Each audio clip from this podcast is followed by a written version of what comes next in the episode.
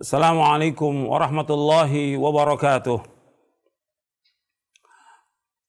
إن الحمد لله نحمده ونستعينه ونستغفره ونعوذ بالله من شرور أنفسنا ومن سيئات أعمالنا. من يهده الله فلا مضل له ومن يضلل فلا هادي له. أشهد أن لا إله إلا الله وحده لا شريك له. وأشهد أن محمدا عبده ورسوله. يا أيها الذين آمنوا اتقوا الله حق تقاته ولا تموتن إلا وأنتم مسلمون.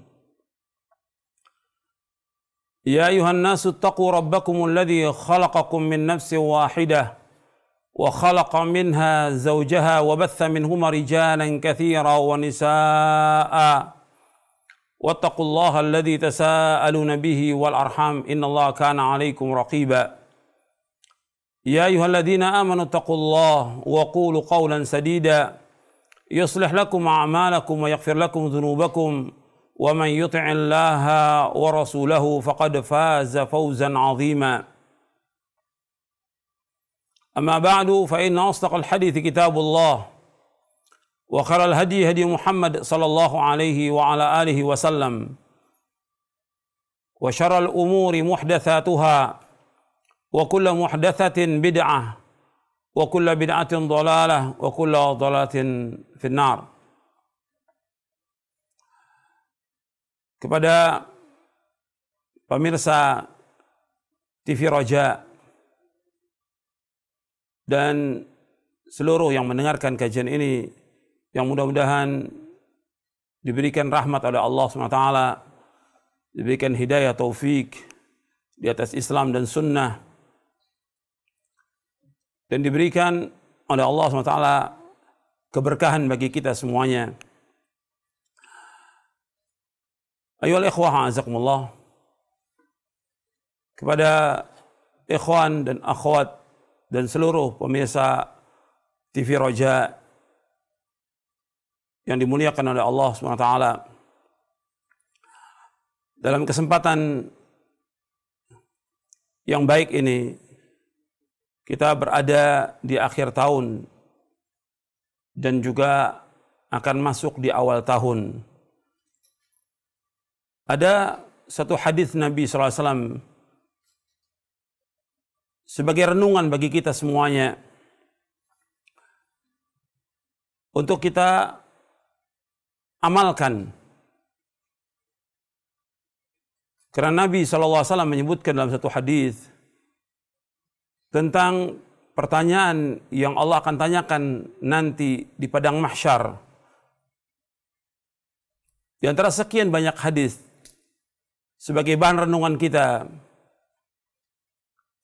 baik itu di akhir tahun, di awal tahun, atau untuk setiap waktu sebagai renungan kita satu hadis Nabi SAW yang mudah-mudahan bermanfaat untuk kita semuanya dari sahabat Abu Barzah an Nabi Barzah al-Aslami radhiyallahu an qal qala Rasulullah sallallahu alaihi wasallam لا تزول قدم عبد يوم القيامة حتى يسأل عن عمره فيما أفناه وعن علمه فيما فعل وعن ماله من أين اكتسب وفيما أنفقه وعن جسمه فيما أبلاه أخرجه الترمذي وقال الترمذي هذا حديث حسن صحيح dari sahabat Abu Barza al-Aslami radhiyallahu an ia berkata telah bersabda Rasulullah sallallahu alaihi wa ala alihi wasallam tidaklah bergeser kedua kaki seorang hamba nanti pada hari kiamat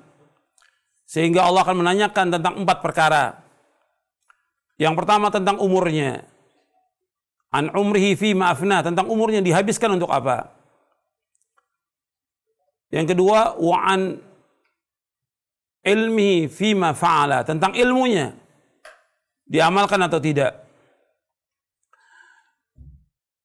Kemudian yang ketiga wa an malihi min aina iktasaba wa fi ma anfaqah. Tentang hartanya dari mana dia peroleh harta itu dan ke mana dihabiskan. Dan yang keempat wa an jismi fi ma abla. Tentang tubuhnya capeknya, lelahnya untuk apa? Hadis ini diriwayatkan oleh Imam At-Tirmidzi dan Tirmidzi berkata hadis ini hasan sahih. Jadi Imam Tirmidzi rahimahullah telah mengatakan bahwa hadis ini hasan sahih. Dan hadis ini diriwayatkan juga oleh Imam Ad-Darimi dan yang lainnya. Hadis ini disahihkan oleh Syekh Muhammad Nasrul Albani rahimahullah dalam kitabnya Silsilah Hadis As-Sahihah. Sekarang kita bahas hadis ini yang mudah-mudahan bermanfaat untuk kita semuanya. Ya Rasulullah sallallahu alaihi wasallam bersabda, "La tazulu qadama 'abdin yaumal qiyamah." Tidaklah bergeser kedua kaki seorang hamba nanti pada kiamat. Hatta yus'ala sehingga ditanya an umrihi fi ma'afna tentang umurnya dihabiskan untuk apa? Wa an ilmi fi ma fa'ala. Tentang ilmunya diamalkan atau tidak? wa an malihi min aina iktasaba wa fima anfaqa. Tentang hartanya dari mana diperoleh dan ke mana dihabiskan wa an malihi wa an jismi fima ablah. Dan tentang tubuhnya capeknya lelahnya letihnya untuk apa? Sekarang kita bahas yang pertama. Yang Allah akan tanya pada hari kiamat tentang umur jadi nanti pada hari kiamat manusia akan dikumpulkan di padang mahsyar dalam keadaan telanjang semuanya laki dan perempuan dikumpulkan dalam keadaan telanjang dalam hadis yang sahih yang diriwayatkan oleh Imam Muslim Nabi bersabda tudna syamsu yaumal qiyamati qadra milin. Akan didekatkan matahari pada hari kiamat kurang lebih satu mil. Dan panasnya luar biasa pada saat itu. Manusia dikumpulkan di hari kiamat dalam keadaan telanjang dan matahari dekat. Dan manusia akan terendam dengan keringatnya. Dan juga ada orang yang dilindungi oleh Allah pada kiamat.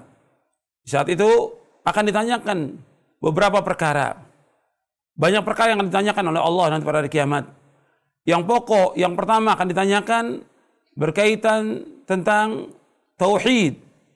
Sebagaimana disebutkan oleh Al-Imam Ibnu Qayyim rahimahullah, beliau mengatakan Allah akan tanyakan kepada manusia di hari kiamat tentang dua pertanyaan.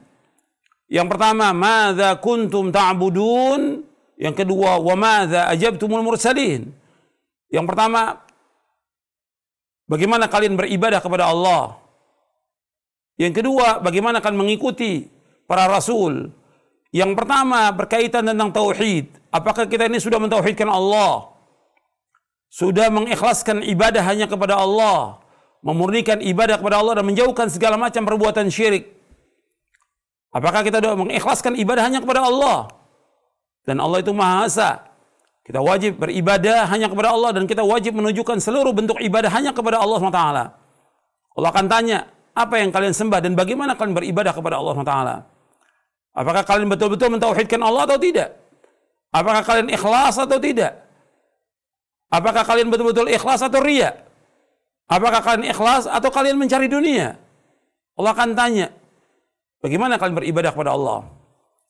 Apakah kalian berbuat syirik? Syirik ini merupakan kezaliman yang paling besar, dosa besar yang paling besar yang tidak akan diampuni oleh Allah Taala. Dan orang yang berbuat syirik akan dihapuskan seluruh amalnya. Maka kita wajib berhati-hati. Akan ditanya oleh Allah, apakah kita mengikhlaskan ibadah kepada Allah atau tidak. Yang kedua, akan ditanyakan tentang bagaimana kita mengikuti Rasulullah Sallallahu Alaihi Wasallam. Allah akan tanyakan, apakah kita mengikuti Rasulullah atau tidak. Allah tidak akan tanyakan bagaimana kita menyalahi umat manusia yang sekian banyak. Tapi Allah akan tanya, kenapa kamu menyalahi satu orang ini? Yaitu Rasulullah Sallallahu Alaihi Wasallam. Karena kewajiban kita wajib untuk ittiba kepada Rasulullah Sallallahu Alaihi Wasallam. Itu di antara pertanyaan yang pertama akan ditanyakan oleh orang kiamat kata Ibnu Qayyim. Kemudian ada empat pertanyaan lagi. Masih banyak pertanyaan yang lain. Yang kita akan bahas sekarang empat pertanyaan ini. Yang pertama akan ditanyakan oleh Allah tentang umur. Seperti yang disebutkan di hadis Abu Barzah ini tentang umur. Umur dihabiskan untuk apa umur itu? Apakah dihabiskan kita untuk taat kepada Allah, untuk ibadah kepada Allah, dihabiskan untuk berbuat kebajikan, berbuat ketaatan, melakukan amal-amal kebajikan, atau umur itu dihabiskan untuk berbuat dosa, berbuat maksiat, atau untuk perbuatan yang sia-sia yang gak ada manfaatnya atau untuk foya-foya atau yang lainnya. Allah akan tanya, umur kita dihabiskan untuk apa? Dan ingat Allah SWT bersumpah dengan waktu agar manusia memperhatikan tentang masalah waktu. Allah berfirman dalam surah Wal Asr wal Asr Innal insana fi khusr illa alladziina amanu wa 'amilus salihat wa tawasaw bil haqq wa tawasaw bis sabr. Demi masa, demi waktu, sungguh-sungguh manusia sungguh-sungguh dalam kerugian kecuali orang-orang yang beriman, beramal saleh, saling berwasiat dengan kebenaran dan saling berwasiat dengan kesabaran. Kalau Allah bersumpah dengan waktu agar kita memperhatikan tentang masalah waktu. Kalau bicara soal umur, berarti bicara soal waktu. Allah memberikan waktu kepada kita 24 jam. Kita gunakan buat apa waktu itu? 24 jam dalam sehari untuk apa? Dan kita merenung dalam sehari, dalam sepekan, sebulan, setahun, dan kita introspeksi umur kita sekarang sudah berapa? Apa yang sudah kita lakukan dalam kita beribadah kepada Allah? dalam kita taat kepada Allah, dalam berbuat kebajikan-kebajikan, apa yang sudah kita lakukan? Dan betapa banyak maksiat yang kita lakukan. Coba kita merenung, kita hisap diri kita. Sebagaimana kata Umar bin Khattab radhiyallahu an, hasibu anfusakum qabla an tuhasabu.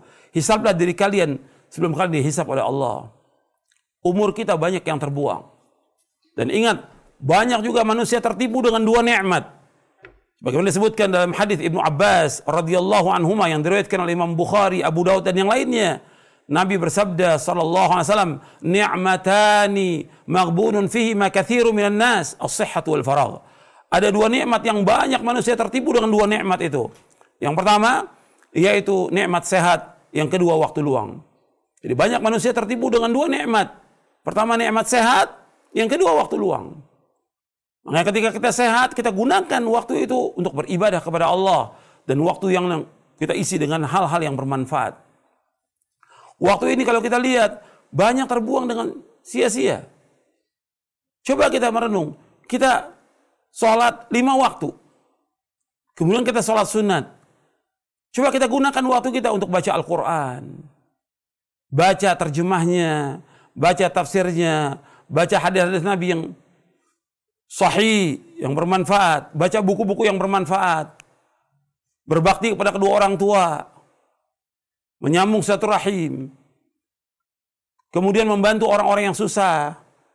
Artinya waktu kita harus kita isi dengan hal yang bermanfaat. Sebab banyak manusia yang tidak gunakan waktu itu dengan sebaik-baiknya. Di saat pagi kita banyak berzikir kepada Allah. Di saat sore hari kita banyak berzikir kepada Allah SWT. Kita gunakan waktu itu untuk banyak berzikir kepada Allah sebab Allah berfirman ya ayyuhalladzina amanu dzkurullaha dzikran katsira wasabbihuhu bukratan wa asila wahai orang beriman berzikirlah kepada Allah dengan zikir yang banyak dan bertasbihlah kepada Allah waktu pagi dan petang. Kita gunakan buat ketaatan kita gunakan buat ibadah kepada Allah. Jangan kita gunakan buat yang sia-sia. Banyak waktu yang terbuang. Banyak coba kita renung dalam sehari itu banyak manusia membuang-buang waktu. Ya untuk jalan-jalan, untuk nonton, untuk main HP, ya, untuk Facebook, atau yang lainnya lagi. Untuk ngobrol, begadang yang sia-sia.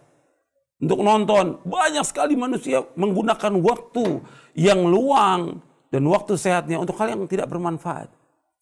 Coba kita merenung. Waktu itu kita akan ditanya oleh Allah, jangan dihabiskan buat yang sia-sia. Jangan dihabiskan buat yang tidak bermanfaat. Coba kita hitung. Waktu kita SMS, waktu kita telepon, waktu kita jalan, waktu kita ke pasar, waktu yang lainnya. Coba dihabiskan buat apa waktu itu? Jadi waktu kerja ada betul, tapi waktu ibadah kepada Allah karena kita diciptakan oleh Allah untuk ibadah kepada Allah. Wa ma khalaqtul jinna wal insa illa liya'budun. Tidak keciptakan jin dan manusia melainkan untuk beribadah kepadaku. Waktu kita untuk ibadah kepada Allah. Bukan untuk mengejar dunia. Bukan untuk perbuatan yang sia-sia, untuk bermain-main. Dunia ini kehidupan bermain-main. Berleha-leha. Dan yang lainnya, untuk perbuatan-perbuatan yang sia-sia yang Allah sebutkan dalam Al-Quran demikian. Kita harus merenung. Kita akan ditanya oleh Allah tentang waktu kita, umur kita. Harus bermanfaat. Al-Quran ini harus kita baca setiap hari. Kita hafalkan. Kita pahami kita berusaha untuk mengamalkannya. Kita harus meningkat, hidup kita harus meningkat. Dan kita berusaha bagaimana untuk mencari yang bermanfaat dalam hidup ini. Dan bersungguh-sungguh dalam hal yang bermanfaat. Allah memberikan umur kepada kita agar kita mengerjakan hal-hal yang bermanfaat buat dunia kita dan akhirat kita. Nabi dalam satu hadis yang sahih yang diriwayatkan oleh Imam Muslim. Nabi yang bersabda, "Al-mu'minul qawiyyu khairun wa ahabbu ila Allah minal mu'minid dha'if." Wa fi kullin khairun ihris ala ma yanfa'uka wasta'in bila wala ta'jaz. Kata Nabi SAW, bahwa mukmin yang kuat lebih baik dan lebih dicintai oleh Allah daripada mukmin yang lemah. Pada keduanya ada kebaikan, kebaikan tentang imannya.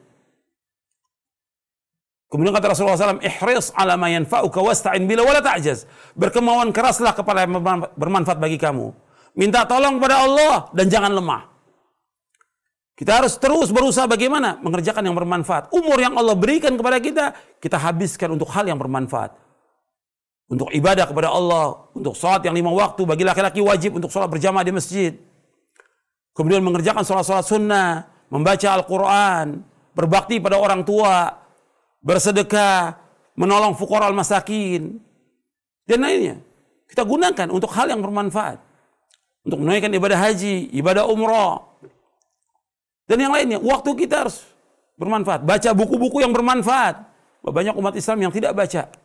Quran kadang-kadang nggak dibaca oleh dia. Setiap hari baca, baca buku yang kita harus meningkat ilmu kita, meningkat juga iman kita, meningkat ketakwaan kita, meningkat juga rasa takut kita kepada Allah. Dari umur yang Allah berikan kepada kita harus kita gunakan untuk hal yang bermanfaat. Dan ingat bahwa dunia ini gak ada arti apa-apa. Ya kita cari bukan dunia, yang kita cari akhirat. Maka Nabi SAW bersabda dalam hadis yang sahih yang diriwayatkan oleh Imam Bukhari, Imam Ahmad, At-Tirmidzi dan yang lainnya.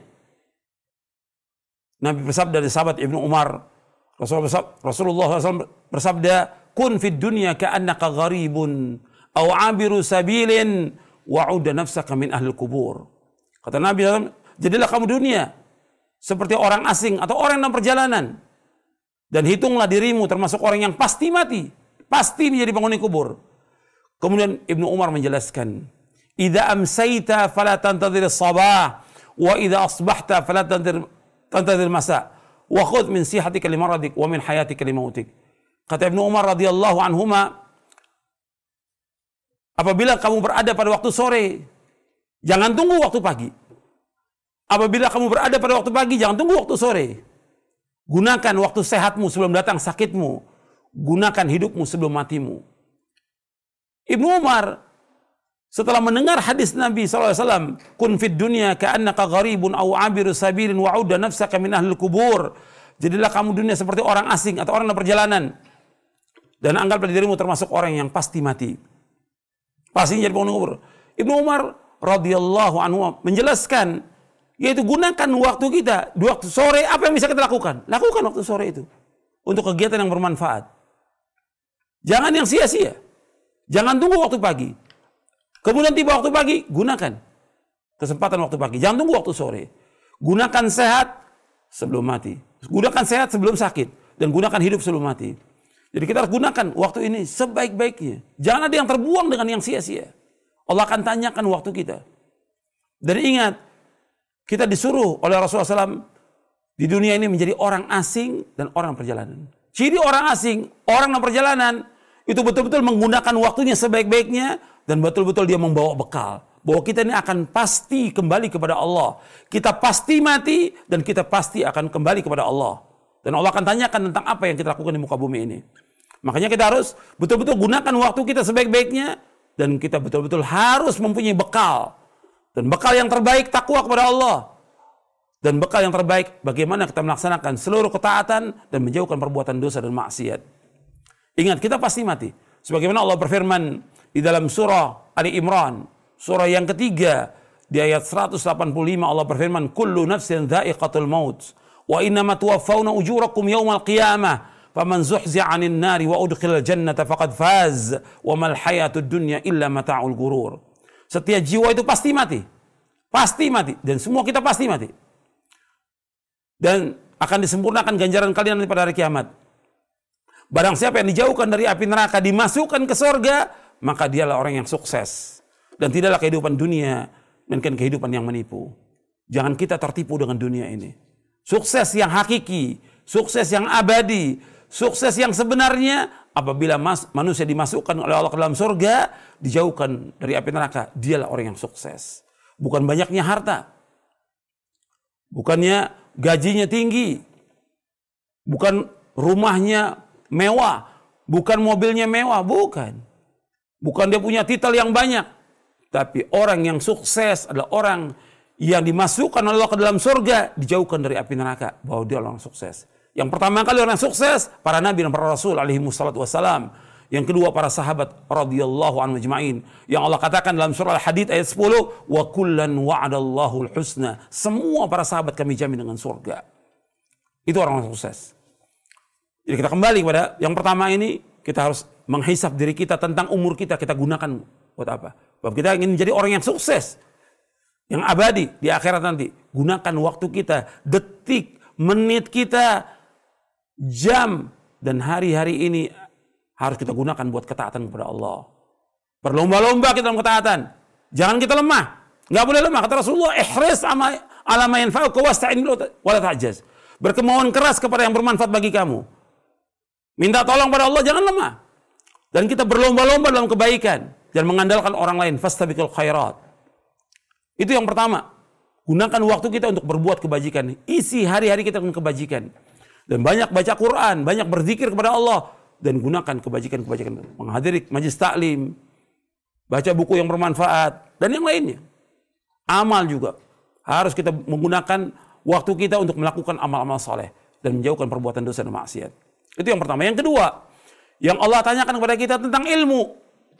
Wah ini ilmi Ilmu kita Diamalkan atau tidak? Karena kita disuruh oleh Allah untuk belajar. Kita disuruh oleh Rasulullah untuk belajar. Setiap muslim dan muslimah wajib menuntut ilmu syar'i. Sebagaimana sabda Rasulullah SAW, Talabul ilmi faridatun ala kulli muslimin. Menuntut ilmu itu wajib atas setiap muslim. Wajib. Maka setiap muslim dan muslimah wajib menuntut ilmu syar'i. Setiap hari, setiap pekan dia wajib menuntut ilmu syar'i. Belajar tentang agama. Karena kita dilahirkan dalam keadaan tidak mempunyai ilmu. Kita harus belajar tentang Islam ini. Sampai kita faham tentang Islam ini. Tentang akidah, tentang ibadah, tentang akhlak, tentang muamalah, dan yang lainnya. Kita wajib belajar. Kemudian setelah kita belajar, kita wajib mengamalkan. Allah akan tanya, kita amalkan atau tidak? Dan ingat bahwa Allah memberikan surga kepada orang-orang yang mengamalkan Islam ini. Watilkal jannatul lati urithumuha bima kuntum ta'malun. Itulah surga yang diwariskan kepada kalian dengan sebab apa yang kalian amalkan. Bukan kalian tahu. Allah menyebutkan jazaan bimakanu ya'malun. Sebagai balasan dari apa yang kalian amalkan. Apa yang mereka amalkan. Bukan jazaan bimakanu ya'lamun. Bukan. Bukan sebagai balasan apa yang mereka ketahui. Bukan. Allah akan memberikan ganjaran. Pahala kepada orang-orang yang mengamalkan agama ini. Mengamalkan ketaatan. Makanya kata Abdullah bin Mas'ud radhiyallahu an, ta'allamu ta'allamu fa idza alimtum fa'malu. Belajarlah kalian, belajarlah kalian. Kalau kalian sudah belajar, amalkan. Akan ditanya oleh Allah tentang apa yang kita amalkan pada hari kiamat. Kita amalkan atau tidak? Bukan koleksi ilmu. Bukan banyaknya kita hadir pengajian. Dia amalkan atau tidak? Bagaimana sikap kita kehubungan dengan Allah? Tambah taat atau tidak? Tambah takut nggak kita kepada Allah? Tambah ikhlas atau tidak? Tawakal tambah nggak kepada Allah? Setiap kita ngaji harus tambah ilmu kita, harus tambah iman kita, harus tambah takwa kita kepada Allah, harus tambah rasa takut kepada Allah. Itu mengamalkan dengan iman kita kepada Allah SWT. Bertambah. Kemudian amal-amal soleh kita bertambah atau tidak? Dari apa yang sudah kita ketahui ini.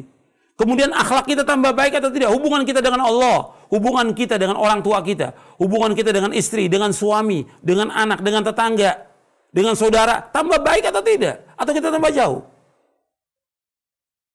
Sebab ingat yang paling berat timbangan pada hari kiamat itu akhlak yang mulia. Dan ini masuk bagian daripada amal, amal kita. Kita harus mengamalkan Islam ini. Dan di antara indahnya agama Islam, Islam itu agama amal. Bukan khayal, bukan agama mimpi, bukan agama dongeng, bukan sekedar ceramah, tapi bagaimana kita mengamalkan ilmu ini. Ilmu diamalkan atau tidak. Allah akan tanya pada hari kiamat nanti. Makanya ketika Allah menyebutkan tentang orang-orang yang merugi, dikecualikan empat. Orang-orang yang beriman, beramal soleh. Kemudian saling berwasiat dengan kebenaran saling berusaha dengan kesabaran. Wal asr innal insana fi khusr illa alladziina amanu wa amilus solihat wa tawasaw bil haqq wa tawasaw bis sabr. Dan ingat, di zaman fitnah ini Nabi memberikan solusi. Ketika banyak fitnah, fitnah syahwat, fitnah syubut, fitnah segala macam yang ada. Bukan kita banyakkan gosip. Bukan kita memindahkan omongan dari omongan yang lain. Bukan SMS kepada orang, bukan. Tapi amal. Maka Nabi SAW bersabda dalam hadis yang sahih yang diriwayatkan oleh Imam Muslim, "Badiru bil a'mali fitanan ka qita'il lailil muzlim."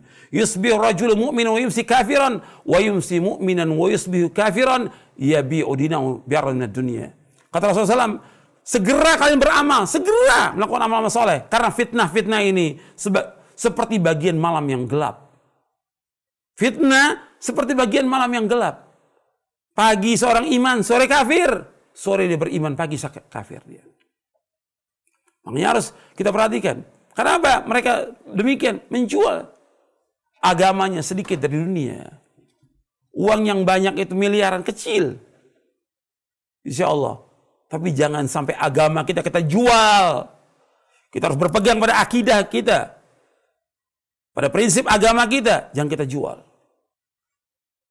Makanya harus kita berpegang teguh kepada hak Al-Quran wa sunnah fahmi salaf. Yang berubah kita. Amalkan itu. Yakini, fahami, amalkan agama ini. Dan pegang erat-erat, gigit dengan geram kita. Lakukan amal-amal soleh dalam masa fitnah ini. Ini yang kedua. Kita harus banyak melakukan amal-amal soleh. Sibukkan kita dengan amal. Sibukkan diri kita dengan amal soleh. Dan jauhkan perbuatan dosa dan maksiat. Yang ketiga yang Allah akan tanya, wa an malihi min aina iktasaba wa fi Tentang hartanya. Dari mana diperoleh? Ke mana dia habiskan? Harta ini dua akan ditanya. Harta dua ditanya. Yang pertama dari mana kita peroleh? Apakah dari yang halal atau dari yang haram? Atau syubhat? Atau harta orang yang kita ambil? Allah akan tanya harta ini. Yang kita makan setiap hari dari halal atau haram? Kalau dari yang haram kita makan, kata Nabi SAW, kullu jasadin nabata min suhtin fannaru wabi. Setiap daging yang tumbuh dari yang haram, maka neraka yang membuat bagi dia. Kita harus jelas ini. Uang yang masuk kita jelas. Kita cari nafkah jelas. Bukan uang orang, bukan uang kantor. Bukan boleh hasil mencuri, bukan korupsi. Bukan mengambil hak orang lain, bukan menzolimi orang lain. Allah akan tanya dari mana kita peroleh. Atau mungkin dia hutang tapi nggak bayar. Akan ditanya loh, dari mana diperoleh. Dan Nabi menyebutkan dalam hadis yang sahih yang diriwayatkan oleh Imam Bukhari kata Nabi SAW saya ti ala nasi zamanun la yubalil mar'u min aina akhadhal mal am min halalin am min haramin nanti akan datang satu zaman yang orang tidak peduli dari mana dia peroleh harta itu apakah dari yang halal atau dari yang haram ini kita harus cari nafkah ini jelas jelas dari yang halal nggak boleh yang haram, nggak boleh yang syubhat. Kalau sudah jelas bahwa itu haram, Jelas. Tinggalkan. Kalau itu syubhat, tinggalkan. Jangan makan yang haram itu. Jangan. Nanti ngerusak agama kita, ngerusak hati kita, ngerusak akal kita, ngerusak tubuh kita, ngerusak keluarga kita. Dan juga ujung-ujungnya neraka. Kata Nabi, kullu jasadin nabata min suhtin fannaru Setiap daging yang tumbuh dari yang haram, maka neraka lebih patut bagi dia. Jadi ingat tuh, harta kita dari mana kita peroleh? Halal atau haram? Atau syubhat? Jadi kita mencari nafkah ini harus jelas. Kemudian harta bukan itu saja. Kita harus berusaha untuk mencari yang halal karena ingat bahwa fitnah yang paling besar fitnah harta. Kata Nabi SAW, Inna likulli umatin fitnah, wa fitnah tu ummati al-mal. Setiap umat ada fitnah, dan fitnah umatku masalah harta. Hadis sahih ya Tirmidzi. Jadi fitnah umatku masalah harta. Orang kejar-kejar masalah harta ini. Kadang mengambil yang haram. Dan kadang sibuk untuk mencari harta. Dia lupa untuk kepada akhirat. Sibuk untuk mencari harta. Menumpuk-numpukan harta. Allah akan tanya nanti. Jadi hati-hati kita. Jangan terkena fitnah. Harta ini dari mana kita peroleh? Halal atau haram? Atau milik orang kembalikan milik orang. Atau milik kantor. Milik masjid. Milik yayasan. Milik apa saja. Hati-hati kita. Jangan sampai kita mengambil yang haram. Akan ditanya oleh Allah SWT. Dan hisapnya berat pada hari kiamat. Kemudian setelah itu yang kedua, harta ini ke mana dihabiskan? Sebab harta itu bukan milik kita. Harta bukan milik kita. Milik Allah SWT. Allah yang berikan rezeki kepada kita. Kita wajib meyakini bahwa Allah yang memberikan rezeki. Hatta orang-orang musyrik kafir mengakui bahwa Allah yang memberikan rezeki. Allah sebagai khalik, Allah sebagai razik. Allah yang menciptakan, Allah yang memberikan rezeki. Dari mana? Kita peroleh harta dan ke mana dihabiskan? Apakah kita habiskan buat maksiat? Apakah buat yang haram? Apakah buat kesyirikan? Apakah buat bid'ah? Atau buat foya-foya? Atau mubazir? Harta ini ditanya oleh Allah, bukan milik kita. Apakah kita membantu acara-acara syirik? Akan ditanya oleh Allah. Apakah kita membantu acara-acara bid'ah? Nggak boleh kita bantu. Apakah kita acara bantu yang maksiat? Nggak boleh. Allah berfirman, wa ta'awanu 'alal birri wa taqwa wa la ta'awanu 'alal itsmi Hendakkan tolong menolong perbuatan baik dan takwa. Jangan kalian jangan kalian saling tolong tolong menolong perbuatan dosa dan permusuhan. Nggak boleh kita membantu kesyirikan. Nggak boleh kita membantu perbuatan bid'ah. Nggak boleh kita membantu perbuatan maksiat. Tidak boleh selama-lamanya. Nggak boleh membantu acara-acara bid'ah. Acara-acara syirik. Nggak boleh. Nggak boleh itu. Dan nggak boleh hadir dalam perayaan itu. Harta ini akan ditanya. Apakah mubazir? Kita untuk merokok. Rokok ini haram dalam Islam. Jangan sampai waktu jangan sampai uang kita dihabiskan untuk rokok. Nggak boleh. Sedekahkan, infakkan buat fukor. Banyak orang yang miskin. Banyak orang yang fakir yang wajib kita bantu dengan uang kita. Jangan digunakan buat yang sia-sia. Jangan gunakan buat yang haram. Rokok ini haram dan mubadzir. Sedangkan mubadzir temannya syaitan. Innal mubadzirin kanu ikhwana syayatin. Sesungguhnya orang mubadzir itu temannya syaitan. Ingat, rokok itu haram. Coba Bapak perhatikan itu. Saudara perhatikan, ya. Setiap hari merokok berapa yang dihabiskan? Satu batang, sebungkus, dua bungkus, tiga bungkus. Allah akan tanya pada hari kiamat nanti. Karena itu harta itu milik Allah, kenapa dihabiskan buat yang yang sia-sia? Kenapa dihabiskan yang buat maksiat? Kenapa dihabiskan buat yang haram? Akan ditanya, ke mana dihabiskan uang itu? Kemudian dari apa yang kita keluarkan, mestinya kita keluarkan harta itu untuk infak fisabilillah untuk membantu dakwah, membantu orang-orang fakir miskin, membantu janda-janda yang miskin, membantu anak yatim, membantu pondok-pondok sunnah, pondok-pondok sunnah, masjid-masjid sunnah, membantu dai-dai yang nggak punya apa-apa. Banyak daerah-daerah dai-dai yang nggak punya apa-apa. Bantu mereka. Harta kita harus manfaat. Dan setiap hari kita harus infak setiap hari. Kata Nabi SAW dalam hadis yang sahih yang diriwayatkan oleh Imam Bukhari dan Muslim. Nabi bersabda, "Ma min yaumin yusbihul ibadu fihi illa malakani yanzilani fayaqulu aduma Allah ma'ati munfiqan khalafa wa yaqulu al-akhar Allah ma'ati mumsikan talafa." Setiap hari itu dua malaikat turun. Setiap pagi dua malaikat turun. Kedua malaikat ini yang satu berkata, "Ya Allah, gantikan orang yang infak hari ini." Yang satu berkata, "Ya Allah, hancurkan orang yang tidak infak hari ini." Hadis ini sahih dari Bukhari Muslim. Maka setiap hari harus kita infak. Setiap hari harus sedekah. Kita harus terbuka tangan kita. Dan harta kita tidak akan kurang. Kata Nabi, ma naqasa malun min sadaqatin. Gak akan kurang harta dengan sebab sedekah. Gak akan kurang. Semakin kita sedekah, semakin kita infak, semakin kita tolong orang-orang fakir miskin, semakin ditambah rezeki itu oleh Allah Taala. Maka uang yang kita keluarkan harus jelas. Untuk memberikan nafkah kepada orang tua kita, memberikan nafkah kepada istri, kepada anak, kepada sanak kerabat, membantu tetangga, membantu orang-orang miskin. Kalau perbuatan baik, ganjarannya akan terus mengalir sampai hari kiamat nanti. Tapi kalau maksiat, itu akan jadi balak buat kita. Jadi bencana buat kita kalau kita keluarkan uang untuk maksiat, untuk yang haram, jadi bencana nantinya. Kemudian yang keempat, yang Allah tanyakan pada hari kiamat nanti, yaitu tentang masalah capek kita lelahnya, letihnya untuk apa? Wa anjismi fima abla.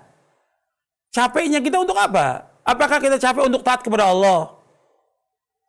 Untuk mengaji, untuk berdakwah, untuk sholat, untuk baca Al-Quran, untuk bangun sholat tahajud, untuk membantu orang tua kita, atau seorang istri melayani suami.